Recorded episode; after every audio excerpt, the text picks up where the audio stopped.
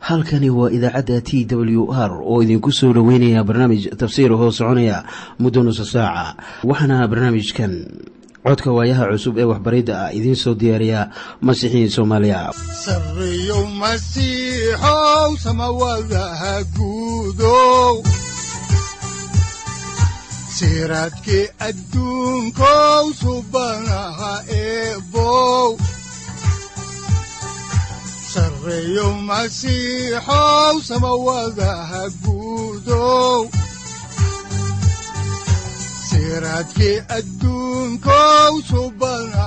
eebow ku soo dhowaada dhegaystayaal barnaamijkeenna dhammaantiinba waxaan horay u sii ambaqaadi doonnaa daraasaadkii la magac baxay baibalka dhammaantii. Waxaannu caawa idiin sii wadi doonnaa cutubka toddoba iyo tobanaad ee injiilka sida luukas uu qoray ah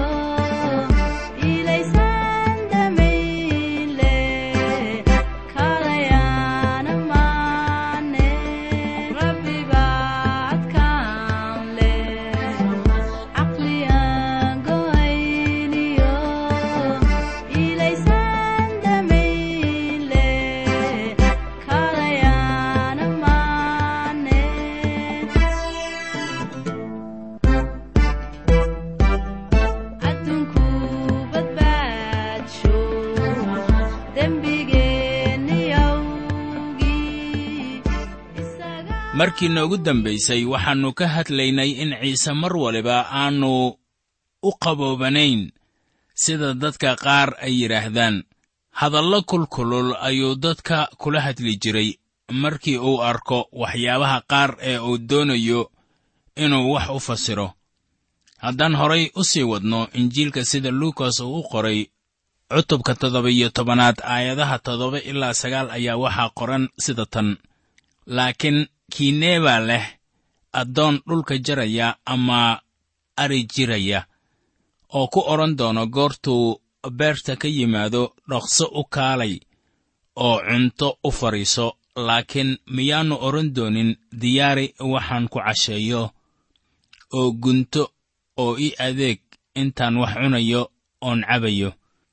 Kolkaa dabadeed ayaad wax cuni oo cabi miyuu addoonkii u mahadnaqayaa waayo wuxuu sameeyey wixii la amray? Bal haatan aan qidcadan si fiican idinku sharraxo waxaa jira dad rumaysan taas waayo waxay isku dayaan inay raacaan khudbadii caanka ahayd ee buurta oo iyagu waa deris wanaagsan oo waxay isku dayaan inay dadka jeclaadaan. Oo maalin ilaah uu ku odhan doono war maxaad shakhsiyaad wanaagsan tihiin? Waxaad shaqaysateen haddaba jannada. Haddii aad dhoorto tobanka amaradood iyo khudbadii buurta waxa ay farayso taasoo aadan awoodayn waxaad samaynaysaa oo keliya wixii lagaa doonayey inaad samayso. Ma waxaad u malaynaysaa saaxib inaad sidaas badbaado ku helayso. Taas waxa weeye wixii lagaa doonayey inaad samayso maadaama aad ka mid tahay ilaah abuuristiisa waxaan arkaa inaan u baahan nahay inaan garanno in badbaadadu ay tahay hadiyad ee ayan ahayn mid aad shaqaysan karto. Laakiin in sharciga rabbiga la dhowraa waxa weeye waajibaad ku saaran. Haddaan in yar dib ugu noqonno injiilkan luukos uu qoray ayaan eegaynaa cutubka toddoba iyo tobanaad aayadda tobanaad waxaana qoran sida tan. Sidaas oo kale idinkuna goordaad samaysaan wixii laydinku amray oo dhan waxaad tidhaahdaan addoommo aan waxtar lahayn baannu nahay. Wixii aannu lahayn inaannu samayno ayaannu samaynay.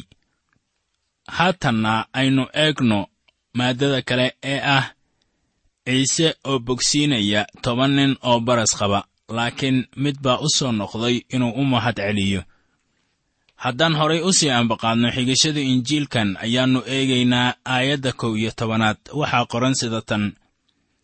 Waxaa dhacay intay yeruusaalem ku sii socdeen inuu samaariya iyo galilii dhex marayey haddaba xusuuso in sayidku uu ku sii jeedo yeruusaalem haddaan halkaasi ka sii soconno ayaa waxaa ku qoran injiilka sida luukas uu u qoray cutubka toddoba iyo tobanaad aayadaha laba iyo toban ilaa lix iyo toban sida tan oo goortuu tuulo galay waxaa la kulmay toban nin oo baras leh oo meel fog ka istaagay. Markaasay codka kor u qaadeen iyagoo leh ciisow macallinow noo naxariiso. Goortuu arkay wuxuu ku yidhi taga oo istusa wadaaddada oo waxaa dhacay intay sii socdeen inay daahirsameen midkood goortuu arkay inuu bogsaday ayuu soo jeestay oo cod weyn ilaah ku ammaanay oo wejigiisa ayuu cagihiisa ag dhigay uu u mahadnaqay. Wuxuuna ahaa reer samaariya. Haddaba farrisiintii tan way ka qomomoodeen. Haddaan horay u sii ambaqaadno xigashada ayaa waxaa ku qoran aayadaha toddoba iyo toban ilaa sagaal iyo toban sida tan.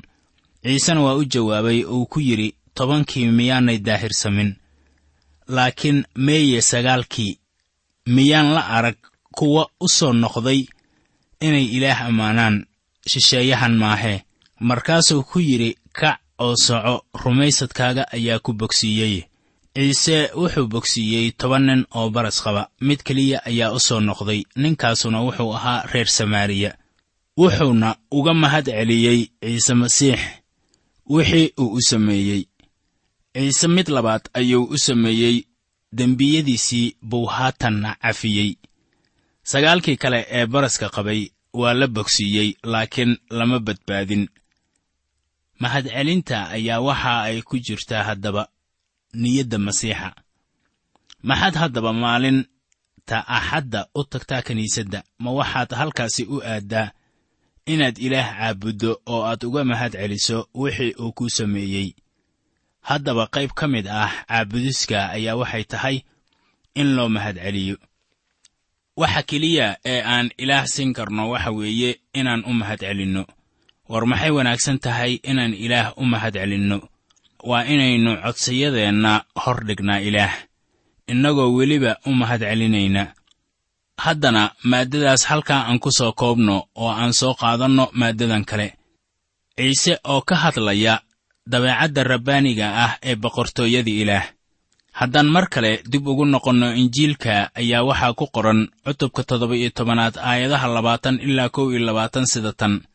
Farrisiintii goortay weyddiiyeen oy ku yidhaahdeen goormay boqortooyada ilaah imaanaysaa? Wuxuu ugu jawaabay boqortooyada ilaah dhowrid ku imaan mayso lamana odhan doono waa tan ama waa taas.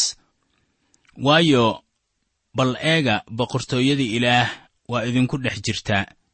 Ciise wuxuu ka hadlayaa xaqaa'iqa ah in boqortooyada ilaah ayaan ku imaanin dhowrid. Yuu la hadlayaa masiixu. Wuxuu ka jawaabayaa su'aashii farrisiga doonayey in loo sheego marka ay boqortooyada ilaah imaanayso. Sayidku odhan maayo boqortooyada ilaah waxay ku jirtaa niyadda ama qalbiga kuwa aan ilaah rumaysnayn iyo farrisiinta mucaaradka ah. Waxaase uu lahaa boqortooyada ilaah waxay ku jirtaa ama ay taallaa dhexdiinna iyadoo ah shakhsiga boqorka ah ee idin dhex jooga waana sayid ciise masiix. Markaana iyaga ayuu dhex joogay. Haddaan maaddadanna halkaasi ku ekayno oo aan eegno tan kale ayaa waxaa ku qoran ciise oo ka hadlaya imaanshihiisa labaad. Tan ugu weyn ee dadku ay ku wareeraan wakhtigeenna waxa weeye in dadku ay sare u qaadi doonaan noloshooda dunida oo ay dhisi doonaan boqortooyadii ilaah iyadoo aannu ilaah dhexdooda joogin. Waxaa markaasi dadku ay malaynayaan in markii zamanku uu dhammaado ay taagi doonaan boqortooyadooda iyadoo weliba aannu masiixu la jirin. Maalmahan guusha ay yeelanayso boqortooyada ayaa ah maaddo dhowraysa waxa masiixu uu odhanayo bilxaqiiqa wuxuu adkaynayaa mustaqbalka isbeddelka imaanaya iyo soo noqoshadiisa. Qaybtan muhiimka ah ee ina hor taalla ayaa sayidkeennu wuxuu xertiisa uga digayaa inaan lagu khiyaanin waxyaabaha ku saabsan imaanshihiisa labaad. Haatan imaanshaha masiixa laba siyaabood ama qaab bay u imaanaysaa. Tan ugu horraysa waxa weeye waxa aynu ugu yeerno kulanka kiniisadda ay hawada kula kulmayso taasoo uu ku qaadanayo rumaystayaasha dhabta ah oo dhan waxaa si faahfaahsan umuurtaasu ay ugu qoran tahay warqaddii koowaad ee reer tesalonika cutubka afaraad aayadaha saddex iyo toban ilaa siddeed iyo toban. Laakiin qidcadan wuxuu kaga hadlayaa wax ku saabsan imaanshaha labaad ee soo noqoshadiisa taasoo ah marka uu dunidan ku soo noqonayo ee uu ka taagayo boqortooyadiisa taasuna waxay dhacaysaa kadib markii isaga ay kiniisaddu hawada sare kula kulanto. Haddaan halkaasi ku dhaafno faalladii gaabneed ayaannu haatanna eegaynaa injiilka sida luukas uu u qoray cutubka toddoba iyo tobanaad aayadaha laba iyo labaatan ilaa saddex iyo labaatan waxaana qoran sida tan. Markaasuu xertii ku yidhi maalmuhu waa imaan doonaan. Goortaad dooni doontaan inaad aragtaan maalmaha wiilka aadanaha middood mana arki doontaan. Waxaana laydinku odhan doonaa waa taas waa tan ha bixina hana raacina. Markii koowaad ee uu yimid way ku guuldarraysteen inay gartaan masiixa.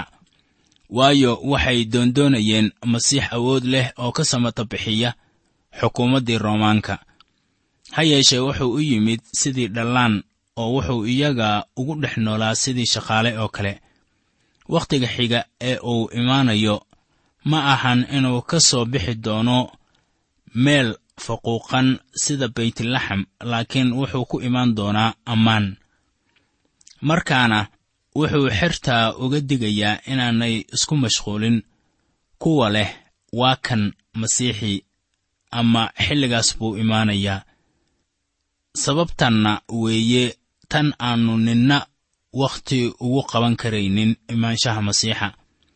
Haddaan halkaasi idinka sii daadihinno xigashada injiilkan qaayaha weyn leh ayaannu haatanna eegaynaa injiilka sida luukas uu u qoray cutubka toddoba iyo tobanaad aayadda afar iyo labaatanaad waxaana qoran sida tan. Waayo sida hillaacu markuu dhinaca hoose oo cerka ka hillaaco oo ilaa dhinaca kale oo hoose oo cirka uu ifiyo sidaas oo kale ayuu wiilka aadanahuna ahaan doonaa maalintiisa.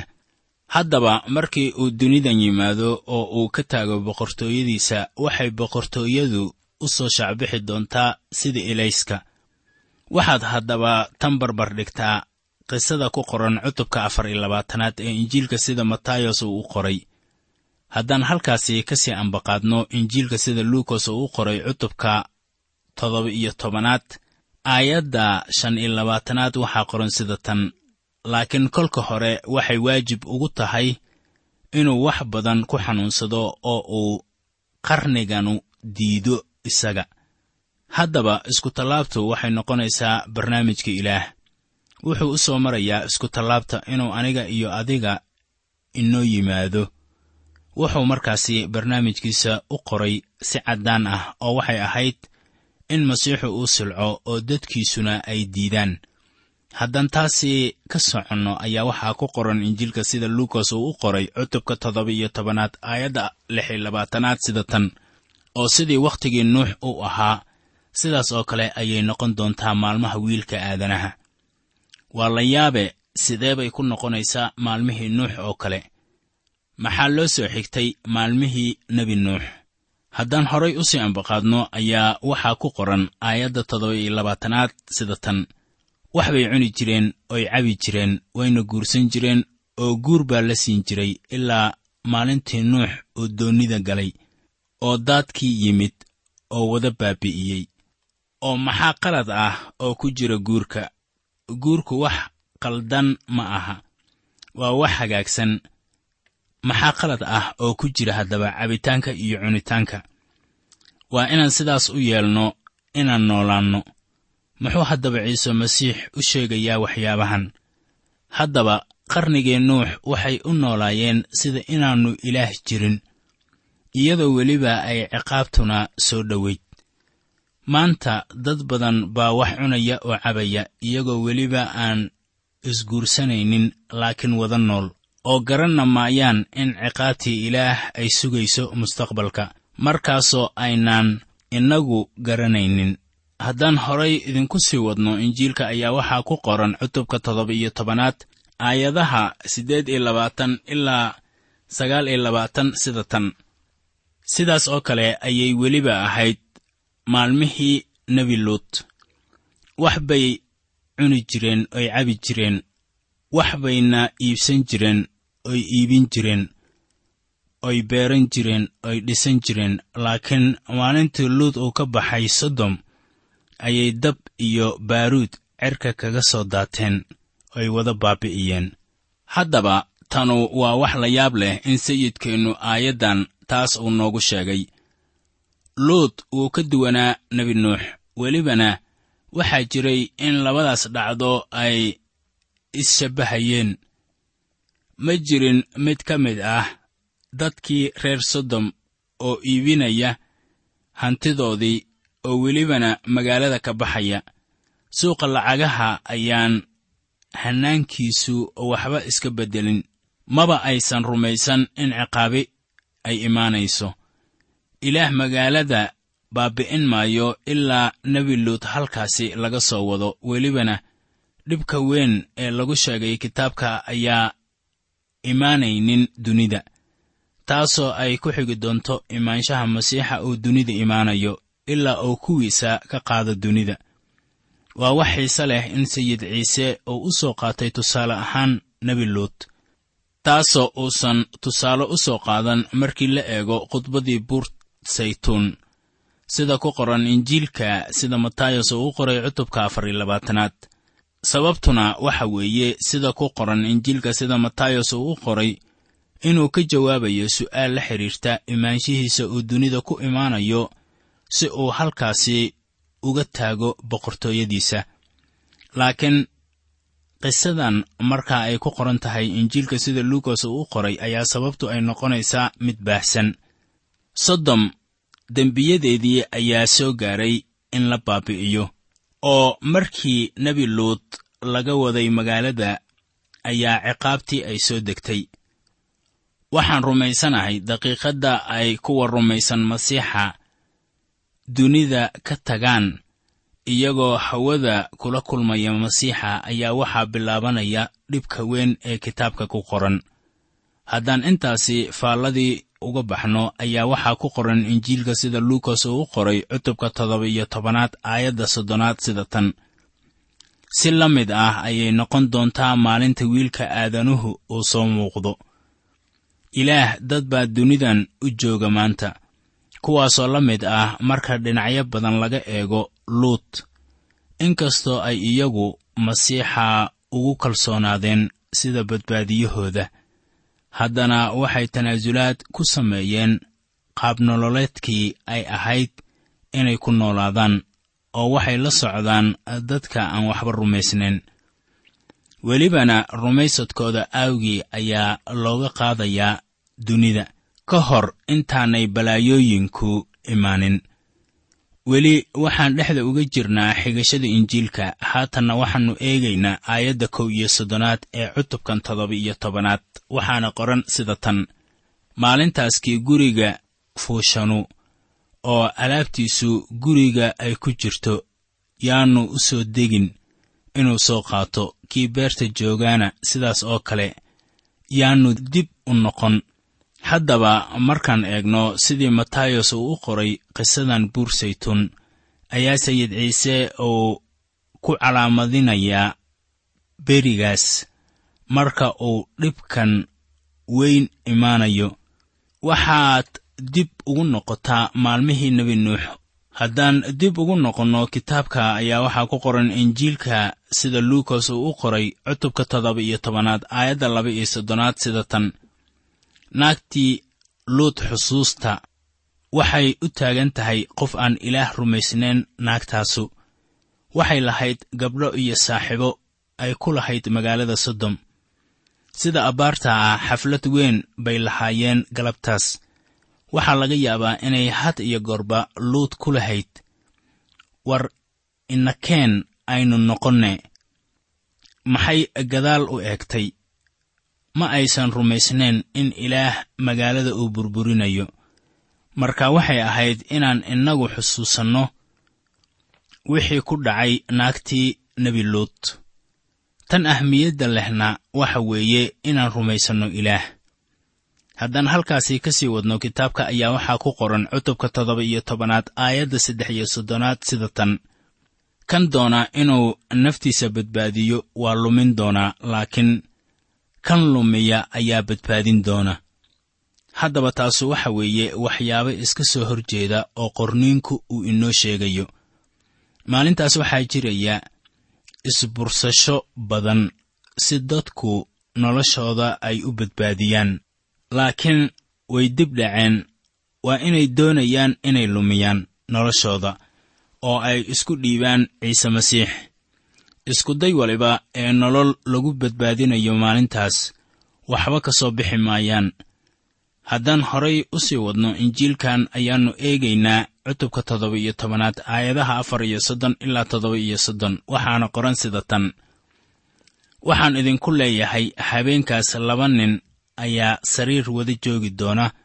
Mid waa la qaadi doonaa kan kalena waa laga tegi doonaa waxaa jiri doona laba naagood oo wax isla shiidi doona. Mid waa la qaadi doonaa tan kalena waa laga tegi doonaa. Waxaana beerta ku jiri doona laba nin. Mid waa la qaadi doonaa kan kalena waa laga tegi doonaa.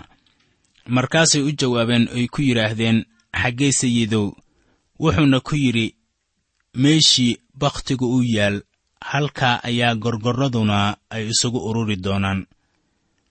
Waxaad haddaba aayadda ugu dambaysa la barbardhigtaa waxaa ku qoran kitaabka muujintii cutubka sagaal iyo tobanaad aayadda toddoba iyo tobanaad. Tanuna waxa ay noqonaysaa dagaalka loo yaqaano armagedon kaasoo xaqiiqa ahaan noqonaya dagaalka armagedon kaasuna wuu dhammaanayaa markii masiixu uu u yimaado inuu boqortooyadiisa dunida ka taago. Haatanna waxaynu idin bilaabaynaa cutubka siddeed iyo tobanaad. Waxaan haatan soo gaarnay cutubka siddeed iyo tobanaad oo aynu maqli doonno laba masaal oo kale oo ku saabsan maaddada salaadda. Waxaa dabeeto sayidku uu barakadaynayaa dhallaanka yaryar. Dabeetana waxaa soo raacaya ninkii dhallinyarada ahaa ee tijaarka ahaa oo sheeganaya inuu xajiyey shan ka mid ah tobanka wasiyadood. Intaa kadib sayidku wuxuu bilaabayaa inuu sii sheego dhimashadiisa. Wuxuuna dabeeto indhaha u furay nin indhoola ah. Markaasoo uu ciise sii gelayay yerixo haddaba markaan ka nimaadno ciise masiix rabbaaninimadiisa ayaan weliba leennahay wuxuu ahaa nin kaamil ah oo innaga oo kale ah. Sida daacadda ah haddii aad halkaasi joogi lahayd waad jeclaysan lahayd inaad la joogto oo aad daawato khudbooyinkiisa. Waxay ahaan lahayd arrin sharaf iyo mudnaan leh inaan la joogno oo aan maqalno isaga oo qoslaya. Bilxaqiiqa ma aanan jeclaysan sawirrada nimanka wax taswiira ay beri hore ku taswiireen masiixa. Waayo sawirradaas laguma arko mid uu qoslayo. Waxaanan garanayaa inuu alaaba qosli jiray. Haddaba sayidkeennu wuxuu ahaa nin bini'aadan ah oo haddii aad la joogi lahayd waxaad garan lahayd inaadan ku khasaarteen wakhtigii aad u hurtay. Waxaan haatan soo gaarnay dhacdo aan hubo inay dad badan ka qoslinayso. Haddaan markii ugu horraysay soo xiganno kitaabka oo aan eegno injiilka luukas cutubka siddeed iyo tobanaad aayadda koowaad waxaa qoran sida tan. Si ciise u tuso inay waajib ku tahay iyaga inay mar waliba tukadaan oo aanay ka qalbi jebin wuxuu iyaga kula hadlay masaal isagoo leh oo muxuu yidhi wixii uu yidhi faallo gaaban baa ka horraysa. Haddaba dhegaysta waxaan haddaba ognahay in cutubkii toddoba-iyo tobanaad uu ku dhammaaday qiso ku saabsanayd maalmaha ugu dambeeya oo hubaashiina ahayd inuu imaanayo mar kale. Wuxuuna maalmaha ugu dambaysta kala mid dhigay maalmihii nebi nuux oo noqonaya maalmo dhib badan oo ah maalmo rumaysadka ilaah lagu qabo uu gabaabsi noqonayo. Wuxuu haatanna kala hadlayaa nolosha rumaysadka maalmo aannu rumaysad jirin taasina waa sababta marka la eego wakhtigeenna. Arrimahaas oo kale ay u soo shaacbaxayaan. Waxaan nool nahay maalmo sida uu sheegay ciise masiixba niyadda dadku ayaan lahaanaynin cibaadaysi ama cabsida eebbe. Markaana waxa ku qoran masaalkan koowaad ayaa noqonaya qoraal ku saabsan baryada maanta oo ah sida la doonayo in dadku ilaah ay u baryaan waxaad ogaataa inuu kula hadlayo haatan masaal marka uu kala hadlayo xaalkan oo ah in dadku ay mar waliba tukadaan balse ayaan cabsi la qarracmin wakhtigu wuu adkaanayaa. Mararka qaarkoodna waxay kula noqonaysaa in xaaladdu ay aad iyo aad uga sii darayso. Laakiin waxaa layna farayaa inaynaan baryada ilaah ka daalin laba arrin baana la kala dooranayaa midna waxa weeye in qofku uu tukado iyo inuu niyad jab iyo naxdin u dhinto. Bawlos oo arrinka si kale u arkayana wuxuu leeyahay tukada joogsi la'aan halkani waa t w r idaacadda t w r oo idinku leh ilaa ha idin barakeeyo oo ha idinku anfaco wixii aad caawi ka maqasheen barnaamijka. Waxaa barnaamijkan oo kalea aad ka maqli doontaan habeen dambe hadahan oo kale haddiise aad doonaysaan in aad fikirkiina ka dhiibataan wixii aad caawi maqasheen ayaad nagala soo xiriiri kartaan som t w r at t w r c o k e haddii aad doonaysaan in aad dejiisataan oo kaydsataan barnaamijka ama aad mar kale dhegaysataan fadlan mar kale booqo www t w r o r g amase waxaad teleefoonkaaga ku kaydsataa ama ku download garaysataa agabyada ku sahli karaa dhegeysiga t w r haddii aad doonayso in laga kaalmeeyo dhinacyada fahamka kitaabka amase aad u baahan tahay duco fadlan fariimahaaga soo mari bogga aaraahda ama kommentska inana jawaab deg deg ah ayaanu ku soo diri doonaa amase ku siin doonaaye